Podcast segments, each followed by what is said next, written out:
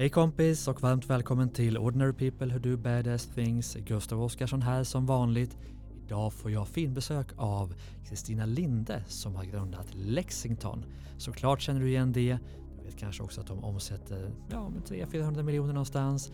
De gjorde en börsnotering, de har sålt bolaget det är en fantastisk entreprenörsresa som jag verkligen vill dela med dig.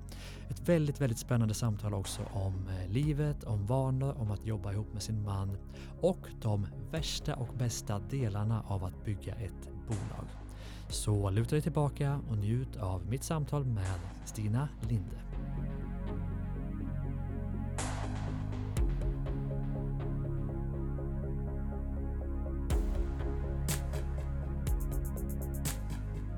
Varmt välkommen till Ordinary People Who Do Badass Things, Kristina Linde.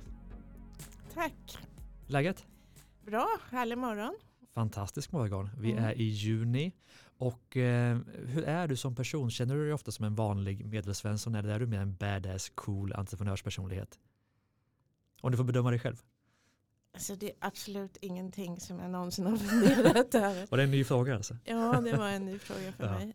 Nej men jag är, jag är väl den jag är liksom. Och mm. jag, eh, jag drivs nog väldigt mycket av saker som jag vill göra och sådär. Så att det kan väl i vissa fall säkert vara en badass person men i andra fall är jag säkert ganska vanlig också. Mm.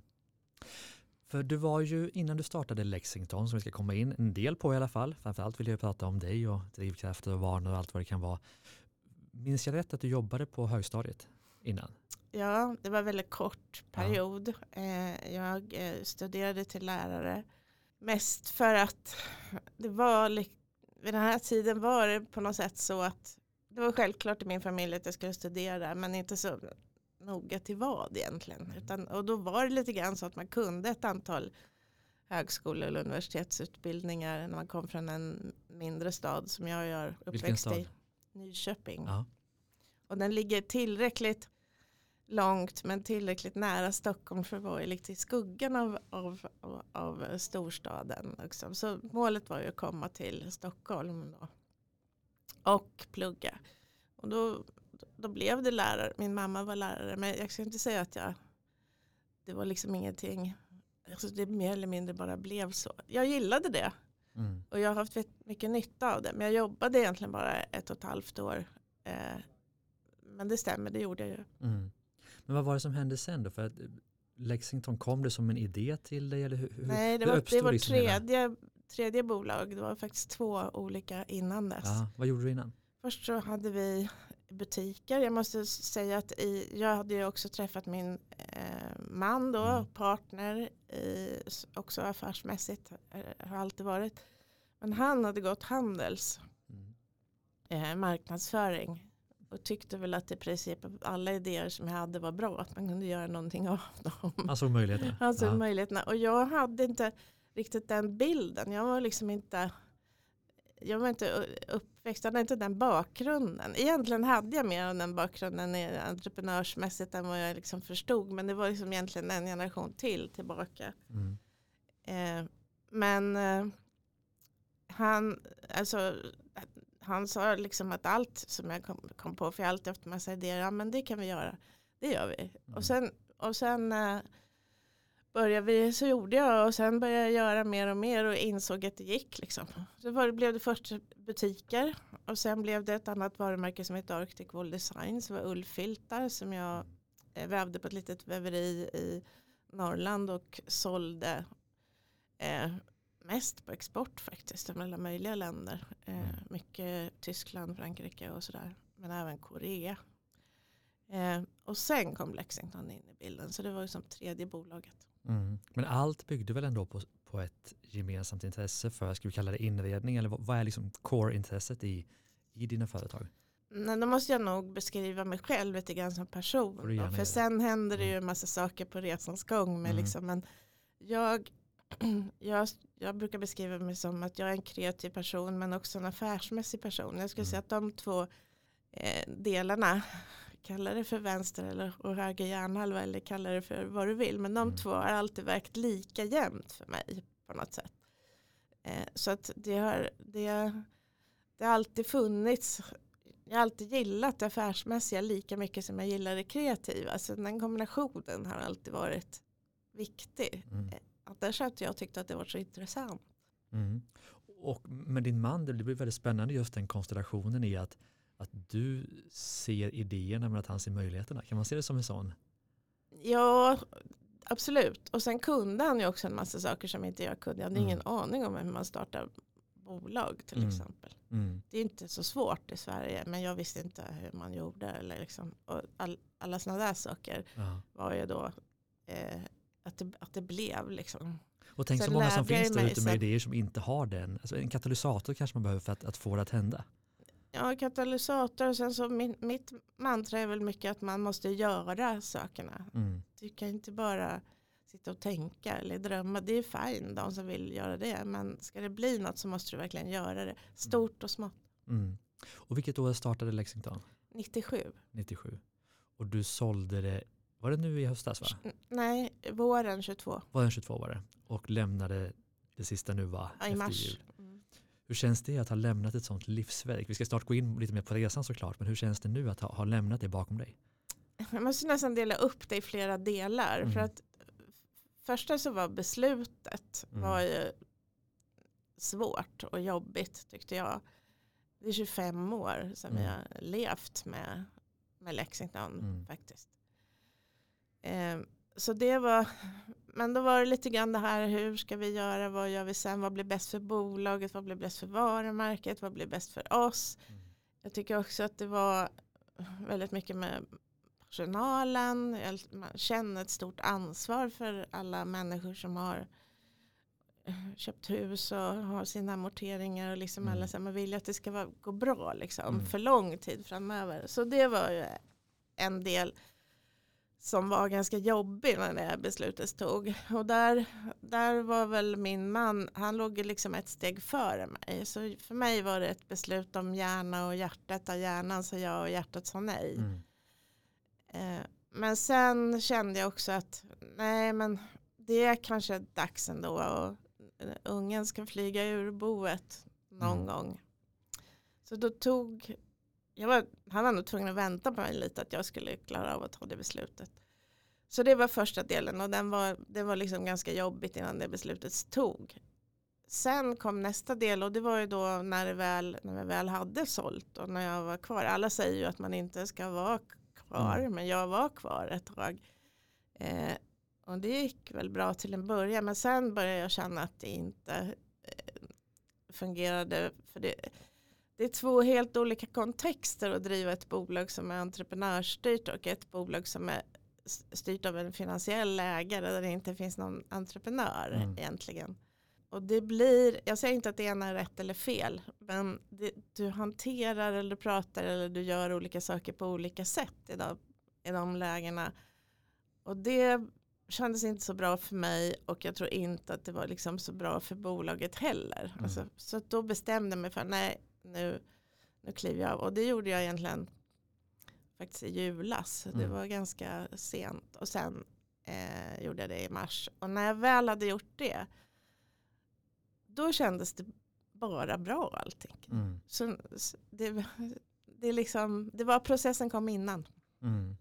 Men vad har det gjort med dig då att inte, för jag menar, fram tills nu, eller till mars egentligen, har ju du varit en viktig person, dels för många anställda men också ansiktet utåt för, för ett ganska stort företag. Det borde, borde ju, tänker jag, med fördom göra någonting med ens signifikansbehov. Alltså du har ju varit ett rampljus på något sätt, eh, vilket delvis då försvinner. Eh, hur känns det? Jag tänkte mycket på det innan och tänkte hur stor betydelse kommer det här ha, ha för mig egentligen. Mm. För det är inte Kommer, lika viktigt. jag, kommer jag tycka att det är jättejobbigt Mm. eller kommer jag inte tycka att det är jobbigt? Mm. Ibland i vissa lägen kan jag tycka att det är, är jobbigt eller har varit jobbigt. Men på något sätt är det inte heller riktigt lika viktigt längre. Egentligen har det nog aldrig varit viktigt på det sättet utan det har mer varit en konsekvens av saker som jag har gjort eller som vi har gjort eller som bolaget har gjort. Och jag har gillat många av de situationerna, absolut. Men jag, jag har absolut inte gillat alla. Mm. Eh, Det, det har varit lite olika. Så, så ja, det kan kännas jobbigt någon gång. Eh, men det känns inte jobbigt hela tiden. Nej. Jag förstår. Ska vi ta oss tillbaka till i alla fall uppstarten av, eh, av Lexington som vi ska Mm. lägga en liten del av, av avsnittet på tänker jag. Mm.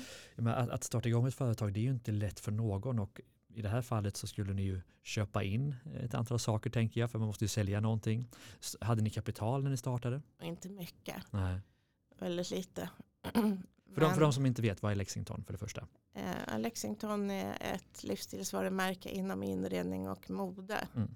Eh, så vi har mycket bäddlinnen, frottéhanddukar, det är den största produktgruppen idag. Men modesidan är mycket större än vad de flesta människor tror. Så Mm. en herr och damkollektion. Mm. Vi ser idag- 20-tal eh, länder, Europa, Kina är en, en av de större Mm. marknaderna också. Eh, omsatte de siffrorna som jag kan kommunicera 325 miljoner när vi släpp, slutade. Mm. släppte.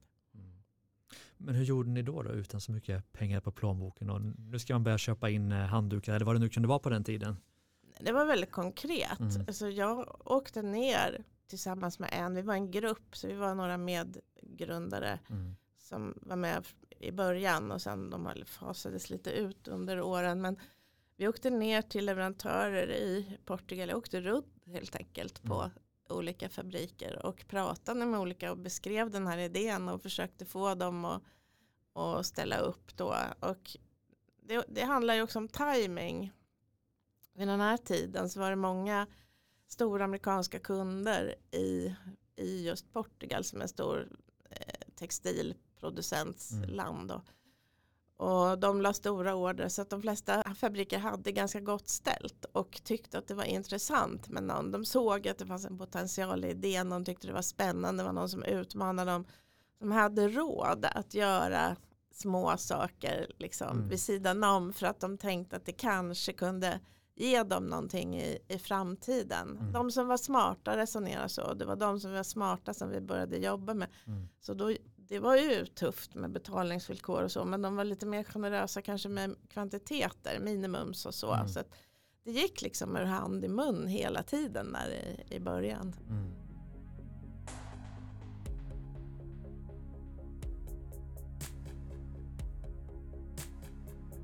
Men, men som det är i början, att det, det finns ju alltid en lösning. Ja. Ibland kan det ta tusen samtal, ibland tar det ett samtal. Ja, Men till slut så hittar man ju den. Ja. Fabriken som, jag vet själv när jag startade min första webbsida, en företagarsajt. Och det var ju alla webbyråer sa ju nej för jag hade ju inga pengar. Men till slut lyckades jag hitta någon som kunde ta betalt i efterhand för att de hade en tidslucka just då. ja, Men det tog ju 45 samtal kanske. ja. Och det är väl det som också är grejen, här att inte sitta och tänka då att man ska göra det utan du verkligen ringde de här 45 samtalen. Mm. Det är det som är skillnaden Mm. för att, för att lyckas. Just det. Men vad var, liksom, vad var affärsidén? För det är ju, det är ju väldigt Newport-inspirerat hela upplägget som jag ser det. Eller?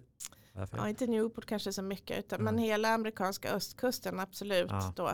Och, mm, men Newport förklippar man så himla mycket med segling. Det är Ja, inte bara fattar. marint utan det är ganska mycket mer än så. Lite Hamptons och lite så. Ja, Mm. Men också en kombination av skandinaviskt skulle jag säga Mm. i det där. Men det, det, det, kan det, nog, Mm. det har man alltid kunnat se. Men vad var det som var liksom unikt? Vad var det du kände att det här, här finns det luckan? Vad var Ja, det? men det var just det här New England-konceptet Ja, New vid England. den tiden. Jag menar nog New England när jag sa Newport. Ja, för då, det var väldigt stort då, ganska mycket trend i det Mm. just då. Det fanns många som eh, gjorde det, framförallt i mode, men det fanns egentligen inte någon som gjorde det i inredning.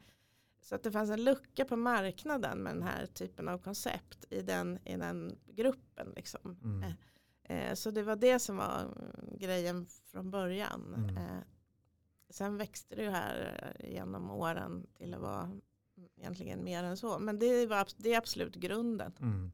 Och namnet Lexington som bara känns så rätt. Det bara fanns att ta, eller? Nej, vi köpte namnet Lexington av ett par svenskar som hade ett bolag. Vi har ingenting med det bolaget att göra och har, aldrig haft. Men vi köpte Nej. loss namnet för det var nämligen varumärkesregistrerat i några klasser som vi ville på några marknader. Mhm.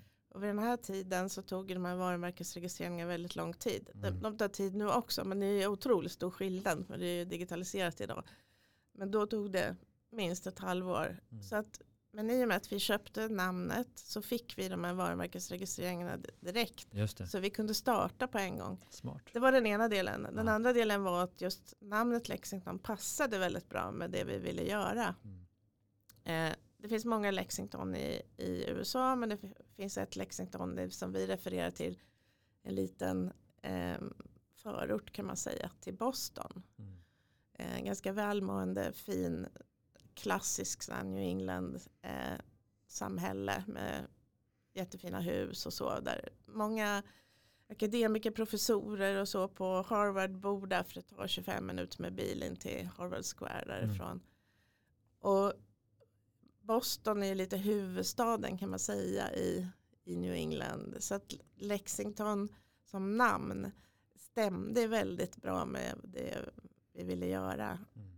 Och dessutom var det så, det fanns en tredje faktor i det här. Och det var också att i Lexington startade det som så småningom blev frigörelsen från engelsmännen och irländarna, Mm. alltså independence.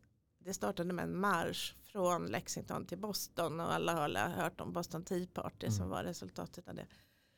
Och vi ville göra lite uppror, vi ville förändra en väldigt traditionell bransch. Vi har ju inte uppfunnit påslakan, det fanns ju innan. Det fanns innan, ja. Mm. Eh, så att vi, men vi ville hantera eller jobba med det här på ett helt annat sätt. Och liksom sätta fokus på den här produktgruppen utifrån ett mer lifestyle-perspektiv och Mm. inredning och, och design och sådär. Eh, så att det där namnet, det var liksom så rätt på flera olika sätt. Det kändes lite meant to be. Så, att, så blev det. Mm. Och det finns ju en lång story att berätta från den tiden till, till nutid och vi kanske inte ska förkovra oss i, i alla de delarna men om du skulle liksom se tillbaka på den långa resan som du har haft, eh, finns det några så höjdpunkter som wow, det här var det som gjorde den stora skillnaden för att ta bolaget dit det är idag? Det finns många olika saker, är många skillnader. Men den, den, den första riktigt stora var faktiskt 2003. Eh, och jag pratade om Tommy, min man, eh, tidigare. Men han jobbade alltså under hela den här perioden eh, i ett annat bolag. Han satt som vd på ett amerikanskt ägt bolag som gjorde snabbrörliga konsumentvaror. Alltså plåster och schampo och sånt. Eh, men när vi kom de där åren, så, efter de här åren så kände jag att vi kommer inte komma längre. Första tiden var det bara jag som jobbade i bolaget själv och sen anställde vi en säljare. Eh, det var nummer två. Men sen kände jag att vi kommer inte komma längre om vi inte liksom, vi måste ha ett annat management i bolaget. Vi måste se till att vi har fokus på ett mer professionellt fokus på alla delar. Och då insåg jag att jag behövde in någon i bolaget som kunde vara som kunde ta de delarna som jag inte var så stark på. Min styrka har alltid varit koncept, kommunikation, produkter, alltså hela varumärket kan man säga. Men du, du kommer ju ingenstans med bara det. Du måste ju ha, det är så otroligt mycket annat som du måste ha Mm. med dig också. Inte minst bygga strategiskt bygga distributionen. Och jag har aldrig uppfattat mig som någon säljare själv. Mm. Så då försökte jag övertala honom att han skulle komma för jag tyckte det var väldigt bra. Mm. Han tyckte kanske från början att det var inte riktigt lika bra som jag tyckte. Mm. Han såg lite mer riskerna. Mm. Eh, och jag såg inga risker alls. För att jag kanske var lite naiv. Jag hade tre barn, hus, Små barn. ja, ganska små barn då. I vilket fall som helst så tog vi det beslutet. Så 2003 kom, eh, Tog ni det beslutet eller tog du det beslutet? nej vi tog det tillsammans. Och då efter det så liksom satte det fart ordentligt. Mm. För då var ni bara några få i bolaget? Jag tror vi var sju eller åtta stycken. Ah, okej. mm. eh, och så blev det snabbt 15 och sen så, ja. Ja. Finns det fler sådana milstolpar som att det här var, det här var avgörande? Mm, ja, ja, sen tror jag nästa stora milstolpe var väl kanske när vi, när vi startade kläderna 2008 och i samband med det öppnade första butiken och faktiskt också första webbshoppen. Mm. Eh, Ganska tidigt. skulle jag säga. Ja, det var tidigt. Den var inte kanske så bra men vi gjorde det i alla fall. Fast det var väl bra då kanske? Ja. Ja. Så det, är väl de, det är väl nog de stora Mm. tror jag, händelserna. Hur ser du nu på, på det hela? Alltså sista åren eh, e-handeln har ju gått upp och ner såklart i hur man ser på den. Men också retail har ju fått sig, eh, har haft tuffa år liksom. Hur ser man på det när man driver den här typen av brand? Nej, men digitaliseringen och e-handeln var ju nödvändig. Mm. Det, var ju, det var ju någonting som vi, vi tidigt såg att vi, vi måste vara med på. Och vi var nog ganska tidiga i det. Sen var ju allting inte så bra. Liksom. Man fick ju lära sig vartefter. Men det, det byggde vi ju upp innan pandemin skulle jag säga. Mm. Och sen när pandemin kom så, så blev det ju ytterligare fokus på det med digital marknadsföring. Och all, alla de här projekten som man hade kanske tänkt skulle ta tre månader, de fick ta tre veckor Mm. under pandemin. Då. Och sen stängdes ju alla butikerna i Norge. Stängdes och ringde klockan åtta en lördag morgon och sa tolv ska butikerna vara stängda. Så det var ju väldigt omtumlande hela den där perioden då. Samtidigt som man Alltså vi fick väl betala, inte bara vi, inte just vi, men alla. Vi fick ju betala ett ganska högt pris för alla lärdomar som jag tror att väldigt många hade under den här perioden. Hur många hade Teams-möten innan pandemin till exempel. Men så går man ut på andra sidan och efter det har det ju varit kanske lite skakigare. Rätt som det är så är det butikerna som är de som har dragit för att folk vill handla i butik igen och e-handeln har gått ner och sådär. Så att jag tror väl att jag, jag ser ju en framtid där de här bägge kanalerna kommer liksom att arbeta ihop på, Mm. på något sätt. Då. För vi vill vara ute i butik men vi vill också kunna handla hemma. Men det är lite olika situationer som avgör när vi gör det ena eller det andra. Mm. Just det. Men när du ser tillbaka på den här resan då under 25 år, alltså, känn, vad, är känslan du, lämnar skeppet med? Är det eh, stolthet eller är det vi kunde gjort mer eller oj vad det blev mycket bättre än jag hade tänkt eller vad är känslan?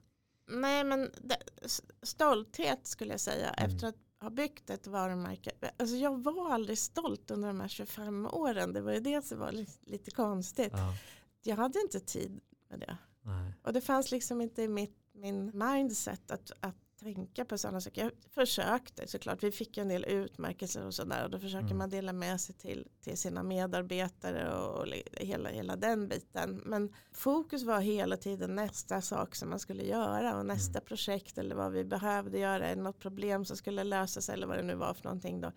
Så att liksom vara stolt över det. Nej då, jag kan inte liksom. Jag försökte nog vara det vid olika tillfällen under de här 25 åren. Men jag kan inte säga att det var någon känsla som jag bar med mig. Utan Mm. det var hela tiden vad är nästa, nästa grej vi ska göra. Mm. Men nu kan jag faktiskt liksom titta tillbaka till och tänka så att men oj vi, vi, vi har faktiskt gjort det här. Nej, men jag är nog ganska stolt över det. Mm. Vad är du mest eh, stolt över? Nej, men det är att bygga byggt ett varumärke som ändå så många människor känner till och som har en sån positiv relation till. Och jag tror att man kanske inte alltid helt förstår det i Sverige heller. Men det, vi är ju etablerade, Lexington är ju etablerat på eh, flera marknader utanför Sverige och ett ganska välkänt varumärke i sitt segment skulle Mm. jag säga Mm. eh, utanför Sverige också. Och det, Mm. det är jag stolt över. Och att vi har varit så konsekventa i alla år med, med det. Mm. Det skulle vara spännande att stanna lite vid just varumärkesbyggandet, både för att ni har lyckats väl med det och för att du är så intresserad av det. Finns det några sådana här key takeaways eller så nycklar du har känt att det här funkade ju faktiskt. Det här gjorde vi för att bygga ett varumärke som, som gjorde att, att det blev någonting av det. Ja men det, det var så många under åren. Många som har frågat och ringt och vill liksom sälja marknadsundersökningar eller att du ska liksom eh, eh, mäta eh, varumärkeskännedom och sådana här Mm. saker. Vi gjorde aldrig det. Vi var väldigt liksom noga med konceptet, väldigt trogna till konceptet och liksom tog bort allting som inte allt skulle kännas Lexington hela tiden. Och någonstans så handlar det om att presentera det och presentera saker för kunder och inte liksom ta reda på vad de ville ha utan de presenterar saker som de inte ens visste om att de ville ha förrän de såg det i Mm. vårt koncept. Så det har alltid varit så viktigt att är det inte Lexington eller på Lexington sätt så så, så gör man det inte helt Mm. Och vad kommer det ifrån? Alltså kommer det från din intuition eller vart, vart är basen för vad som är Lexington? Det, var- det har nog varit väldigt mycket från, från mig Ja. faktiskt. Det, det måste jag erkänna. Sen tror jag att vi har många medarbetare och flera som har jobbat längre och som är kvar nu i bolaget och som har liksom en tradition eller den där med sig. Det innebär ju inte att du inte ska utvecklas. Alltså utvecklingen är, är otroligt viktig och den tror jag vi också lyckades med för annars skulle vi inte ha kommit dit vi kom. Du kan inte bara göra samma sak Mm. hela tiden i 25 år. Det måste liksom händas något men ändå kännas varumärke då. Mm. Så det fanns ju mycket som satt i, i, i väggarna när vi lämnade, absolut.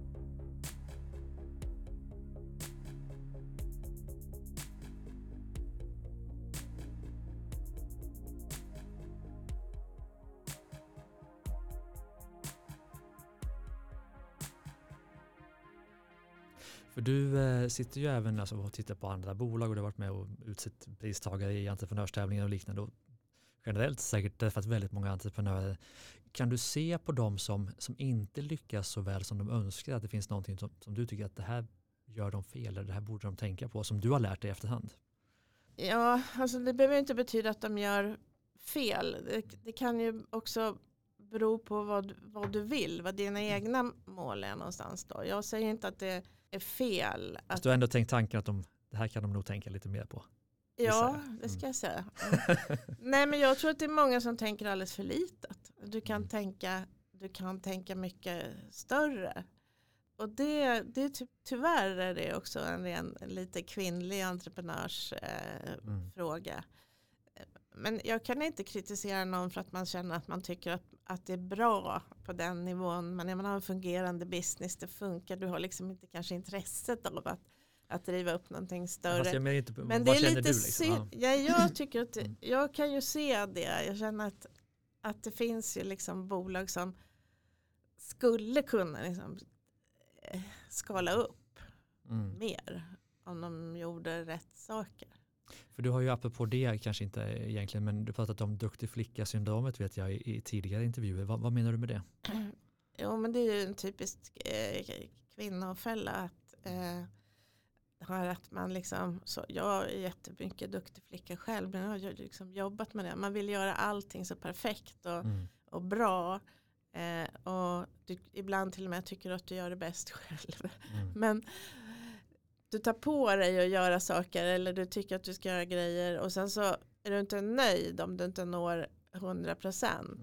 Eh, och jag, jag själv får alltid jobba med det att jag har en tendens att om jag når 95 procent har jag en tendens att se de 5 procenten som jag inte nådde Mm. istället för att se de 95 jag nådde. Och det här är lite duktig flicka syndromet. Och kopplat liksom- till det här med stoltheten också, att du känner den först nu tänker jag. Ja, det är möjligt. Ja. Men just det här att du kan, ibland så kanske det är så att du ska nöja dig med de här 95 därför att det är liksom inte värt din tid och energi och fokus de sista fem. Mm.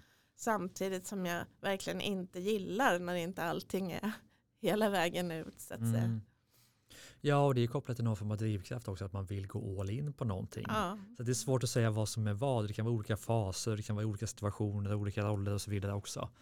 Men eh, alltså, du måste ju hitta båda, båda att kunna gå all in utan att vara perfektionist. Där måste man ju hitta någon gyllene medelväg. ja, precis. Mm.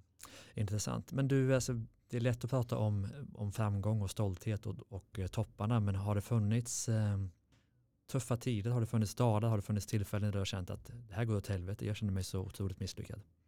Inte att jag känner mig misslyckad så har jag nog aldrig riktigt. Jag har liksom inte haft den typen av relation till. Men, men när har det gått åt helvete då? Om vi Men- säger ja, så. Mm. Nej men det, det har har ju varit. alla bolag har ju den Jo typen men av vi har ju jobbat med säsonger och, det, och säsonger innebär att du får perioder där, när du får en ansträngd likviditet för att Mm. du ska ut med väldigt mycket pengar på en gång. Och det har ju funnits tillfällen där man liksom har känt att oj det här kommer inte att gå. Eh, men det, det där lär man sig lite sen. Det var värst första gångerna men det lär man sig sen lite att, att det är så det ser ut. Då. Hur illa var det som värst? Var det här, nu går vi nästan i konkurs? Mm, det som var mest illa var faktiskt i början av pandemin. Precis i början av Mm. Eh, för att då, i och med att det stängdes, alla butikerna i Norge stängdes, vi fick restriktioner, alla olika saker som hände, så här, visste man ju inte heller hur lång tid det skulle vara. Och det var svårt att veta hur, ja, hur, hur långt pengarna skulle räcka helt enkelt. Mm. Då. Eh, I den vevan så blev också min man sjuk. Han fick covid ganska tidigt. Och han var hemma hela tiden, han var inte på sjukhus eller så. Men det var ganska så här hysteriskt runt i början. Så att när man pratade med någon så sa de, ja du får inte lämna honom, du måste vara där och ha mobiltelefonen till hands. För det kan hända, ni behöver ringa en ambulans om en halvtimme. Det behövde vi aldrig, men mm. det var liksom så det var de här första månaderna. Och de två sakerna ihop gjorde ju att dels jag var jätteorolig för honom. Skulle han klara sig eller vad skulle hända med det här? Liksom, ingen visste ju. Och vad hände med bolaget? Eh, vad kan vi göra? Jag fick inte vara på jobbet. Jag var ju tvungen att vara isolerad för att han var sjuk. Mm. Det var det värsta för då, då trodde jag inte att vi skulle klara oss. Men, men det gjorde vi och sen vände vi det till att ha gjort vårt bästa år någonsin. Mm. Men det var jobbigast. Det var det mm. bästa under de här 25 åren. Mm. Nej, för det är som sagt det är väldigt lätt att prata om det som är positivt. Men, men om du ser tillbaka återigen på 25 år, vad, vad, är det som att, vad är det du inte har gillat med att driva företag? Nej, men jag, jag tror att jag egentligen har gillat det mesta. Men jag, det som har varit som är svårast. Mm. Det, inte, det handlar inte om att jag gillar det eller ej. Men det som är svårast det är väl allting som har har med människor att göra. Därför att det händer saker med människor. Alltså hela den här eh, med dina medarbetare eller personalbiten då. Ingen, inte någon speciell eller så. Men det händer ju situationer och speciellt under pandemin då. Där jag tyckte att det var utmanande. Eh, det var utmanande att hålla uppe engagemanget och energin och samtidigt vara jätteorolig och inte veta om, om vi skulle klara oss. Mm. Eh, så, och sen också inte riktigt ha förståelsen då. För, för alla tittar bara på sig själva under den perioden och var rädda för allting. De var rädda för att åka tunnelbana var rädda för. Det var ju också vissa restriktioner som man skulle rätta sig efter. Mm. Absolut. Men det, den utmaningen med allt vad det innebär tyckte jag nog var, eh, var jobbigast faktiskt. Mm. Men vi, om vi tar då, du har byggt det här bolaget, 25 år, omsätter så så mycket, ett fantastiskt varumärke. Det är ju inte alla som snyter ur sig det i en handvändning. Väldigt många som vill bygga stora växande bolag men väldigt få som gör det. Vilka superkrafter kan du se så att det här var ändå egenskaper jag hade som, som gjorde att det här blev möjligt? Personligen menar du? Mm. Nej, men jag är väldigt envis. Mm. Och envishet kan också vara en styrka. En väldigt styrka eh, är också rätt fokuserad. Jag tror jag har svårt, när jag har någonting som jag liksom tänker på, då vill inte jag lämna det, utan då vill jag liksom köra på. Jag gör alltid alla saker som jag tänker att jag ska göra. Ibland behöver man lite ställtid för att liksom ta rätt beslut eller göra rätt saker. Det får man acceptera tror jag att det ska vara så. Men jag tror att jag såg hela tiden mål framför mig.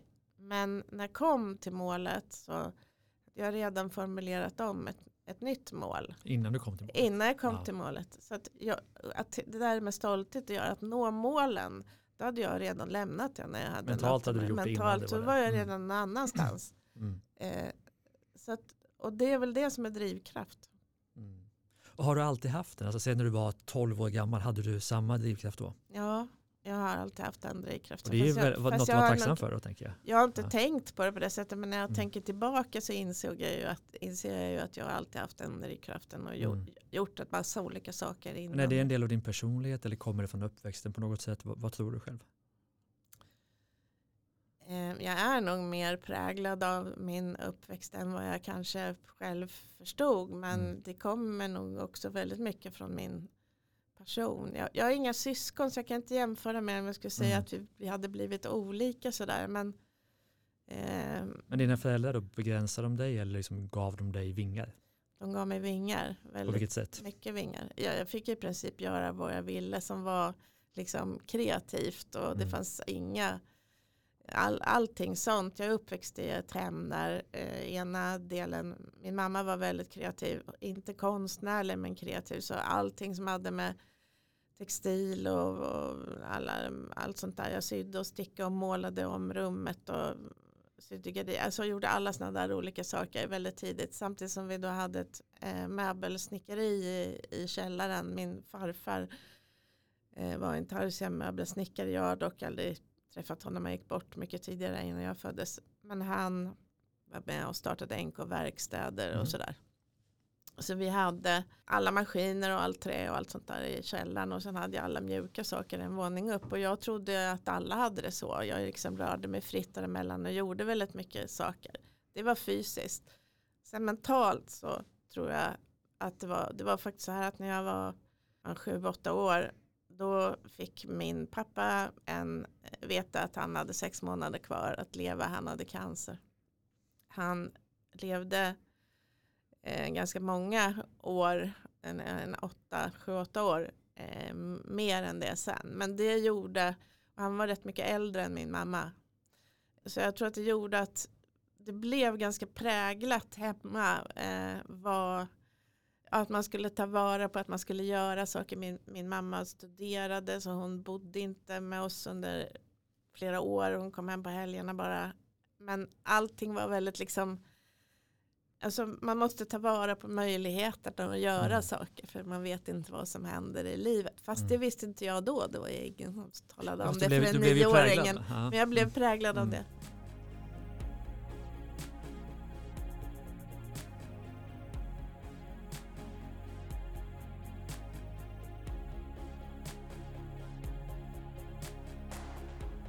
Det jag tycker är väldigt spännande när jag lyssnar på entreprenörer som har byggt stora bolag, för det handlar ju om tur ibland, det handlar om timing ibland, det handlar om hårt jobb som du har varit inne på, att få saker gjorda. Men hos vissa upplever jag också att det handlar om någon form av konsekvens i hur man lever sitt liv, att man har vissa typer av vanor som gör att man ger sig själv förutsättningarna att prestera. Har du några sådana här saker som har hjälpt dig att få saker gjorda, att få saker att hända? Ja, jag är en listmänniska. Ja, vad innebär det för dig? Jag skriver upp på listor eller idag kanske mer sådana här festisar på skärmen. Liksom. Så, men i alla fall. Eh, vad, vad jag behöver göra. Liksom. Och så mm. fort det är någonting som jag håller på med något. Det, det, är alltid när man håller på med något som det andra dyker upp. Mm. Då skriver jag upp det. Mm. Eh, och sen, så, så jag, sen ser jag till att de sakerna blir gjorda helt enkelt. Mm. Jag tror det är en nödvändighet när du startar bolag framförallt. Mm. Även senare. Men i början när du är själv så det finns ju inte någon annan, det finns ingen som kommer att ringa det där samtalet eller göra de här grejerna om, mm. du, inte, om du inte gör det själv. Mm. Det dröjer ju ett tag i din resa innan du har en organisation när du kan delegera vissa saker och följa upp och se till att det mm. händer och sådär. Men då har du ju en ny typ av lista. Mm. För då, då, då, ska du följa upp det eller stämma av med den eller mm. vad det nu är. Men hur vet du vad som är viktigt på din lista? Om du bara Nej, det, det, är ganska osorterat. Ja. En del är ju viktigt och andra, andra saker är absolut mindre viktigt. Mm. Vad gör du först? Men jag är en sån här person, om jag ska ha mig an de lite större sakerna, mm. då vill jag liksom städa skrivbordet först. Mm. Alltså, eller pricka av de här små grejerna på listan och mm. skapa mig någon slags eh, utrymme. Ibland är det jobbigt därför att det tar lite för lång tid då innan du kommer till det du vill göra. Men jag, jag tror att det är det som också kallas lite ställtid. Mm. Eh, för att någonstans så bearbetar du under tiden det här som är lite större och svårare eller om du ska an, angripa eller göra någonting med eller vad det nu är. Mm. Under tiden som du klarar av de där mindre sakerna. Så du är lite mer färdig när du kommer till de stora. Just det. Så du kan lägga all energi lite. på det. Mm. Mm. Men för det jag upplever som din superstyrka då envisheten att få saker att hända. Jag upplever att du säger att, att det kommer lite av sig själv men alltså, det måste finnas tillfällen när du känner att jag har ingen lust med det här. Jag känner inte alls för det. Hur tar du dig över de platåerna? de har alltid varit för mig så att att det blir ännu viktigare att göra de sakerna som jag inte har lust med. Ja. För att jag tycker att det är så obehagligt att ha den där känslan i mig att, att det här är något som jag vet att jag borde göra men som jag inte gör. Den Okej, är, så det är ännu värre än att den göra är ännu värre för ja. mig än, än att göra den. Men där tror jag att man är väldigt olika Mm. faktiskt. Men eh, den, är, den är stark för mig. Mm. Men svårt att gå från, dels lite duktig flicka kanske, jag säger inte att du var det nödvändigtvis, men att gå från att vara van att få saker gjorda till att bygga ett företag där man måste delegera och inte egentligen göra någonting själv. Hur tog du dig från det ena till det andra? Nej, men det är väl det som är lite också ett entreprenörsstyrt bolag. Jag tror aldrig man släpper den där delen helt och hållet. De flesta entreprenörer gör inte det. Och det är sånt där som man ibland kan bli kritiserad för. Jag kan hålla med till viss del men samtidigt gör det inte. Därför att jag tror att också, inte bara i mitt fall utan i alla fall där det finns starka entreprenörer. Det är bara att titta på de här också riktigt stora bolagen vi har idag. De har svenska startade entreprenörsstyrda bolagen. Där har entreprenören stor, stor betydelse vad han eller hon tycker eller liksom i vilken riktning det ska vara. Men det är ju en sak menar jag, men att göra saker i vardagen är ju en Nej, annan det, sak. nej, Ja. ja, de, de kanske inte, man gör ju inte Mm. alla saker själv. Men Mm. jag skulle nog säga att vissa beslut kommer inte att tas om man vet att Mm. den entreprenören inte tycker att det här är rätt riktning. Då. Så att det, kan, det kan absolut vara en svaghet men jag skulle nog ändå hävda att det faktiskt är en rätt, så, rätt stor styrka i det där ändå. Eh, för sen blir det något helt annat när det går över i en annan kontext. Mm. Men då måste du hitta de här kulturbäraren eller ledningen eller liksom på andra sätt. Och Mm. det är ju inte fel. Men det är ett helt annat sätt att, att driva det. Jag, Mm. jag Och det kanske inte hade varit kul för dig, nu spekulerar jag hej vilt här, men om bolaget omsätter 5 miljarder och fanns i alla världens länder och allt skulle vara strukturerat, mallstyrt och metodstyrt, då kanske inte du skulle älskat att vara vd. Nej, det tror jag inte. Men jag tror inte heller att det kanske skulle vara varit lika bra. Nej. Men å andra sidan så hade det kanske varit större. Det är ju svårt att säga vad som är eh, Mm. rätt eller fel. Ja, och stort och bra. Alltså, alltså, vad är, rätt liksom, väg? vad är Mm. rätt väg? Mm. Eller, och vad är värdet egentligen? Och sådär. Det, det, det beror ju alldeles på vad du har för mål. Mm.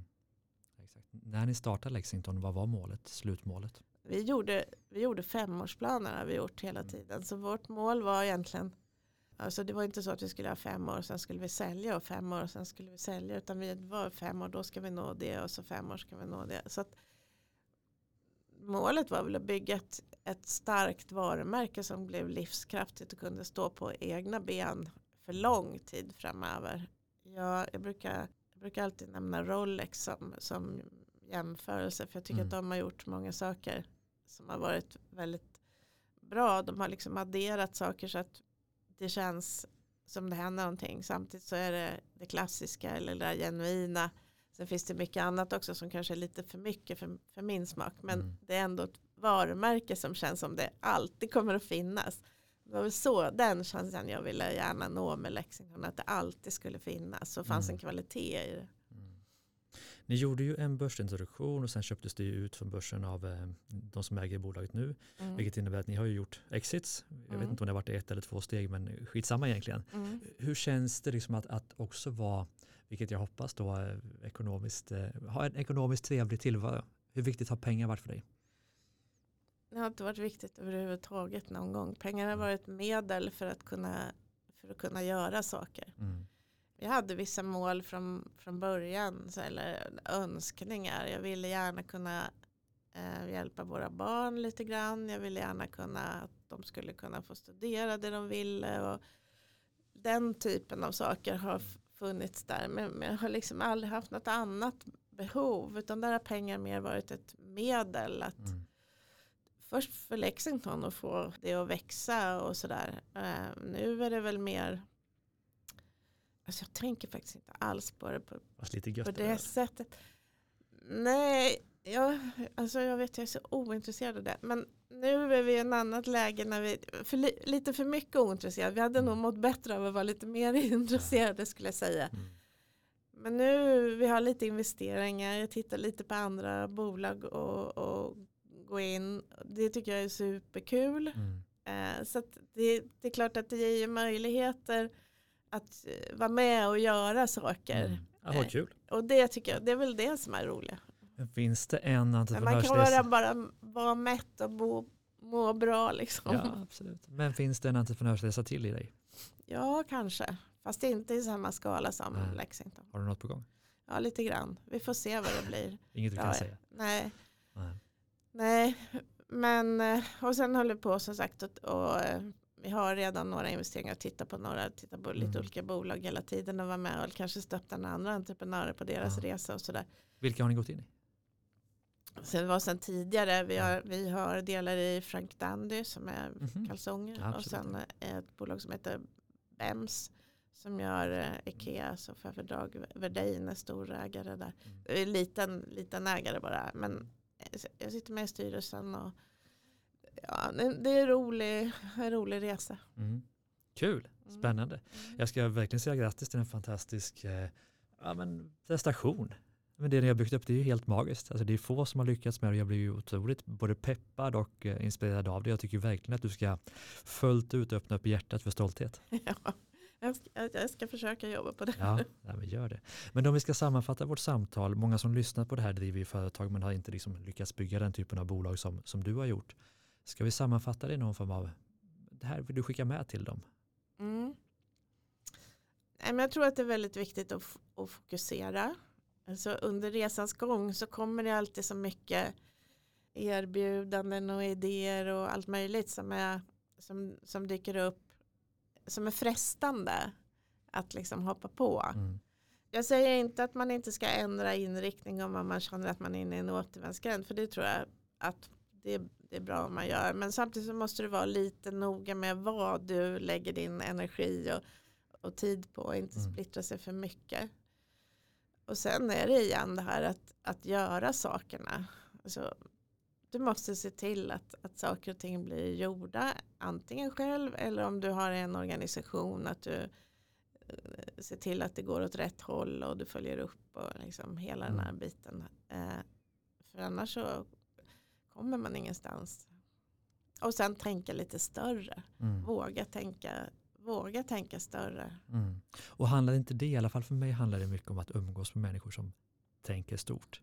Då kommer det lite per automatik på något sätt. Jo, jag tror att det är väldigt viktigt det här. Jag tror att det är eh, superviktigt att träffa andra entreprenörer. Mm. Eh, och man får väldigt mycket liksom inspiration. Och sen, och sen titta på vad andra gör. Du behöver inte följa någon, det behöver inte vara samma bransch. Jag tror att, att just de här bygga bolag, du kommer, det är som trapp, en trappa med trappsteg och du kommer till ungefär samma trappsteg Mm. oavsett vad din verksamhet i ditt bolag är. Det spelar inte så stor roll men Mm. det kommer till olika nivåer när det gäller organisation och hur du ska styra upp det och sådär. Mm. Och där kan man ju ta ganska mycket inspiration och lärdom av vad, av vad andra har gjort. Mm. Men jag vill passa på att säga stort tack till dig Kristina för att du ville vara med i Ordinary People Who Do Badass Things. Tack för att jag fick komma, jättetrevligt. Och tack till dig som lyssnar. Missa inte våra systerpoddar Business Hacks och Starta eget-podden. Stort tack för att du lyssnade. Tack för idag. Hej då.